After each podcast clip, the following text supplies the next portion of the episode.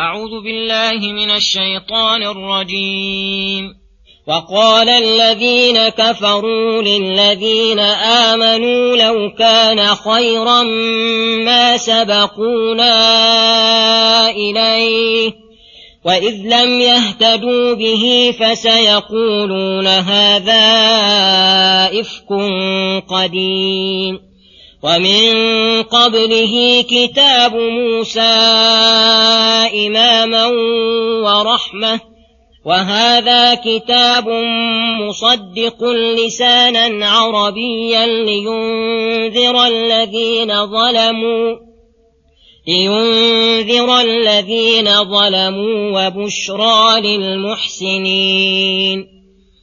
إن الذين قالوا ربنا الله ثم استقاموا فلا خوف عليهم ولا هم يحزنون أولئك أصحاب الجنة خالدين فيها جزاء بما كانوا يعملون ووصينا الإنسان بوالديه إحسانا. حملته أمه كرها ووضعته كرها وحمله وفصاله ثلاثون شهرا. حتى إذا بلغ أشده وبلغ أربعين سنة قال رب أوزعني أن أشكر نعمتك قال رب أوزعني أن أشكر نعمتك التي أنعمت علي وعلى والدي وأن أعمل صالحا ترضاه وأن أعمل صالحا ترضاه وأصلح لي في ذريتي إني تبت إليك وإني من المسلمين. أولئك الذين نتقبل عنهم أحسن ما عملوا ونتجاوز عن سيئاتهم في أصحاب الجنة. وعد الصدق الذي كانوا يوعدون والذي قال لوالديه اف لكما اتعدانني ان اخرج وقد خلت القرون من قبلي وهما يستغيثان الله ويلك آمن إن وعد الله حق فيقول ما هذا إلا أساطير الأولين. أولئك الذين حق عليهم القول في أمم قد خلت من قبلهم من الجن والإنس إنهم كانوا خاسرين ولكل درجات مما عملوا وليوفيهم أعمالهم وهم لا يظلمون.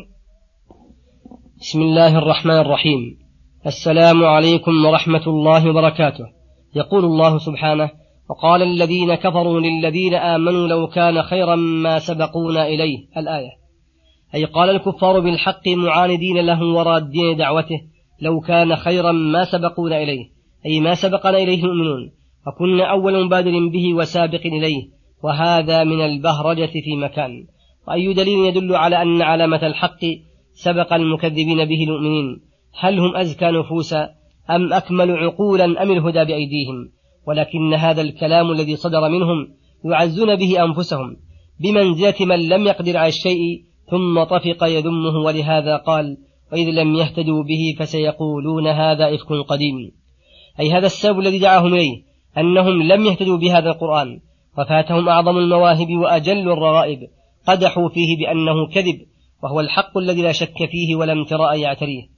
وقد وافق الكتب السماوية من قبله خصوصا أكملها وأفضلها بعد القرآن وهي التوراة كتاب موسى إماما ورحمة أن يقتدي بها بنو إسرائيل فيهتدون بها ويحصل لهم خير الدنيا والآخرة. وهذا القرآن كتاب مصدق للكتب السابقة شهد بصدقها وصدقها بموافقته لها وجعله الله لسانا عربيا ليسهل تناوله ويتيسر تذكره.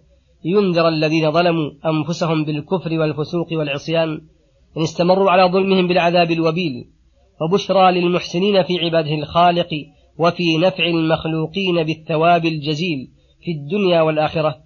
فيذكر الأعمال التي ينذر عنها والأعمال التي يبشر بها. ثم يقول سبحانه إن الذين قالوا ربنا الله ثم استقاموا فلا خوف عليهم ولا هم يحزنون. أي إن الذين أقروا بربهم وشهدوا له بالوحدانية والتزموا طاعته وداوموا, وداموا على ذلك ثم استقاموا مدة حياتهم فلا خوف عليهم من كل شر أمامهم ولا هم يحزنون على ما خلفوا وراءهم. أولئك أصحاب الجنة أي أهلها الملازمون لها الذين لا يبغون عنها حولا ولا يريدون بها بدلا خالدين فيها جزاء بما كانوا يعملون. من الإيمان بالله المقتضي للأعمال الصالحة التي استقاموا عليها. ثم يقول سبحانه ووصينا الإنسان بوالديه إحسانا الآية. هذا من لطفه تعالى بعباده وشكره للوالدين أن وصى الأولاد وعهد إليهم أن يحسنوا إلى والديهم بالقول اللطيف والكلام اللين وبذل المال والنفقة وغير ذلك من وجوه الإحسان. ثم نبه على ذكر السبب الموجب ذلك فذكر ما تحملته الأم من ولدها وما قاسته من المكاره وقت حملها ثم مشقة ولادتها المشقة الكبيرة ثم مشقة الرضاع وخدمة الحضانة. وليست المذكورات مدة يسيرة ساعة أو ساعتين. وإنما ذلك أي حمله وفصاله مدة طويلة قدرها ثلاثون شهرا. الحمل تسعة أشهر أو نحوها تسعة أشهر ونحوها والباقي الرضاع هذا هو الغالب. استدلوا بهذه الآية مع قوله والوالدات يرضعن أولادهن حولين كاملين أن أقل مدة الحمل ستة أشهر لأن مدة الرضاع وهي سنتان. إذا سقطت من الثلاثين شهرا بقي ستة أشهر مدة الحمل مدة للحمل. حتى إذا بلغ أشده أي نهاية قوته وشبابه وكمال عقله وبلغ أربعين سنة قال رب أوزعني أي ألهمني ووفقني أن أشكر نعمتك التي أنعمت علي وعلى والدي أي نعم الدين ونعم الدنيا وشكره بصرف النعم في طاعة مسديها وموليها ومقابلته على منته بالاعتراف والعجز عن الشكر والاجتهاد في الثناء بها على الله والنعم على الوالدين نعم على أولادهم وذريتهم أنهم لا بد أن ينالهم منها ومن أسبابها وآثارها. خصوصا نعم الدين إن صلاح الوالدين بالعلم والعمل من أعظم أسباب صلاح أولادهم. وأن أعمل صالح وأن أعمل صالحا وأن أعمل صالحا ترضاه. وأن أعمل صالحا ترضاه. بأن يكون جامعا لما يصلح سالما مما يفسده. فهذا العمل الذي يرضاه الله ويقبله ويثيب عليه. وأصلح لي في ذريتي. لما دعا نفسي بالصلاح دعا لذريتي أن يصلح الله أحوالهم. وذكر أن صلاحهم يعود نفعه على والديهم لقوله وأصلح لي. إني تبت إليك من الذنوب والمعاصي ورجعت إلى طاعتك. وإني من المسلمين. أولئك الذين ذكرت, ذكرت أوصافهم. الذين يتقبل عنهم أحسن ما عملوا. وهو الطاعات لأنهم يعملون أيضا غيرها. ويتجاوز عن سيئاتهم في جملة أصحاب الجنة. فحصل لهم الخير والمحبوب. وزال عنهم الشر والمكروه.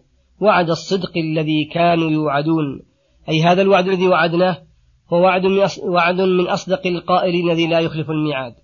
ولما ذكر تعالى حال الصالح الباري لوالديه ذكر حالة العاق وأنها شر الحالات فقال والذي قال لوالديه إذ دعواه إلى الإيمان بالله واليوم الآخر فخوفاه الجزاء وهذا أعظم إحسان يصدر من الوالدين لوالدهما أن يدعواه إلى ما فيه سعادة الأبدية وفلاح السرمدي فقابلهما بأقبح مقابلة فقال أف لكما أي تبا لكما ولما جئتما به. ثم ذكر استبعاده وإنكاره لذلك فقال أتعدانني أن أخرج من قبري إلى يوم القيامة؟ وقد خلت القرون من قبلي التكذيب وسلفوا على الكفر وهم, وهم الأئمة المقتدى بهم لكل كفور وجهول ومعاند. وهما أي والداه يستغيثان الله عليه ويقولان له ويلك آمن أي يبذلان غاية جهدهما ويسعيان في هدايته أشد السعي حتى إنهما من حرصهما عليه يستغيثان الله له استغاثة الغريق ويسألانه سؤال الشريق ويعذلان ولدهما ويتوجعان له ويبينان له الحق فيقولان إن وعد الله حق ثم يقيمان عليه من أدلة ما أمكنهما وولدهما لا يزداد إلا عتوا ونفورا واستكبارا عن الحق وقدحا فيه فقدحا فيه. فيقول ما هذا إلا أساطير الأولين أي إلا منقول من كتب المتقدمين ليس من عند الله. ولا أوحاه الله إلى رسوله. وكل أحد يعلم أن محمدا صلى الله عليه وسلم أمي لا يكتب ولا يقرأ ولم يتعلم من أحد. فمن أين يتعلمه؟ وأن للخلق أن يأتوا بمثل هذا القرآن ولو كان بعضهم لبعض ظهيرا. أولئك الذين بهذه الحالة الذميمة حق عليهم القول أي حقت عليهم كلمة العذاب في جملة في جملة أمم قد خلت من قبلهم من الجن والإنس على الكفر والتكذيب فسيدخل هؤلاء في غمارهم فيغرقون في تيارهم. إنهم كانوا خاسرين. وخسران فوات رأس مال الإنسان. إذا فقد رأس ماله فالأرباح من باب أولى وأحرى. فهم قد فاتهم الإيمان ولم يحصلوا شيئا من النعيم ولا سلموا من عذاب الجحيم. ولكل من أهل الخير وأهل الشر درجات مما عملوا. أي كل على حسب مرتبته من الخير والشر. ومنازلهم في الدار الآخرة على قدر أعمالهم ولهذا قال وليوفيهم أعمالهم وهم لا يظلمون لأن لا يزاد في سيئاتهم ولا ينقص من حسناتهم. وصلى الله وسلم على نبينا محمد وعلى آله وصحبه أجمعين. إلى الحلقة القادمة غدا إن شاء الله.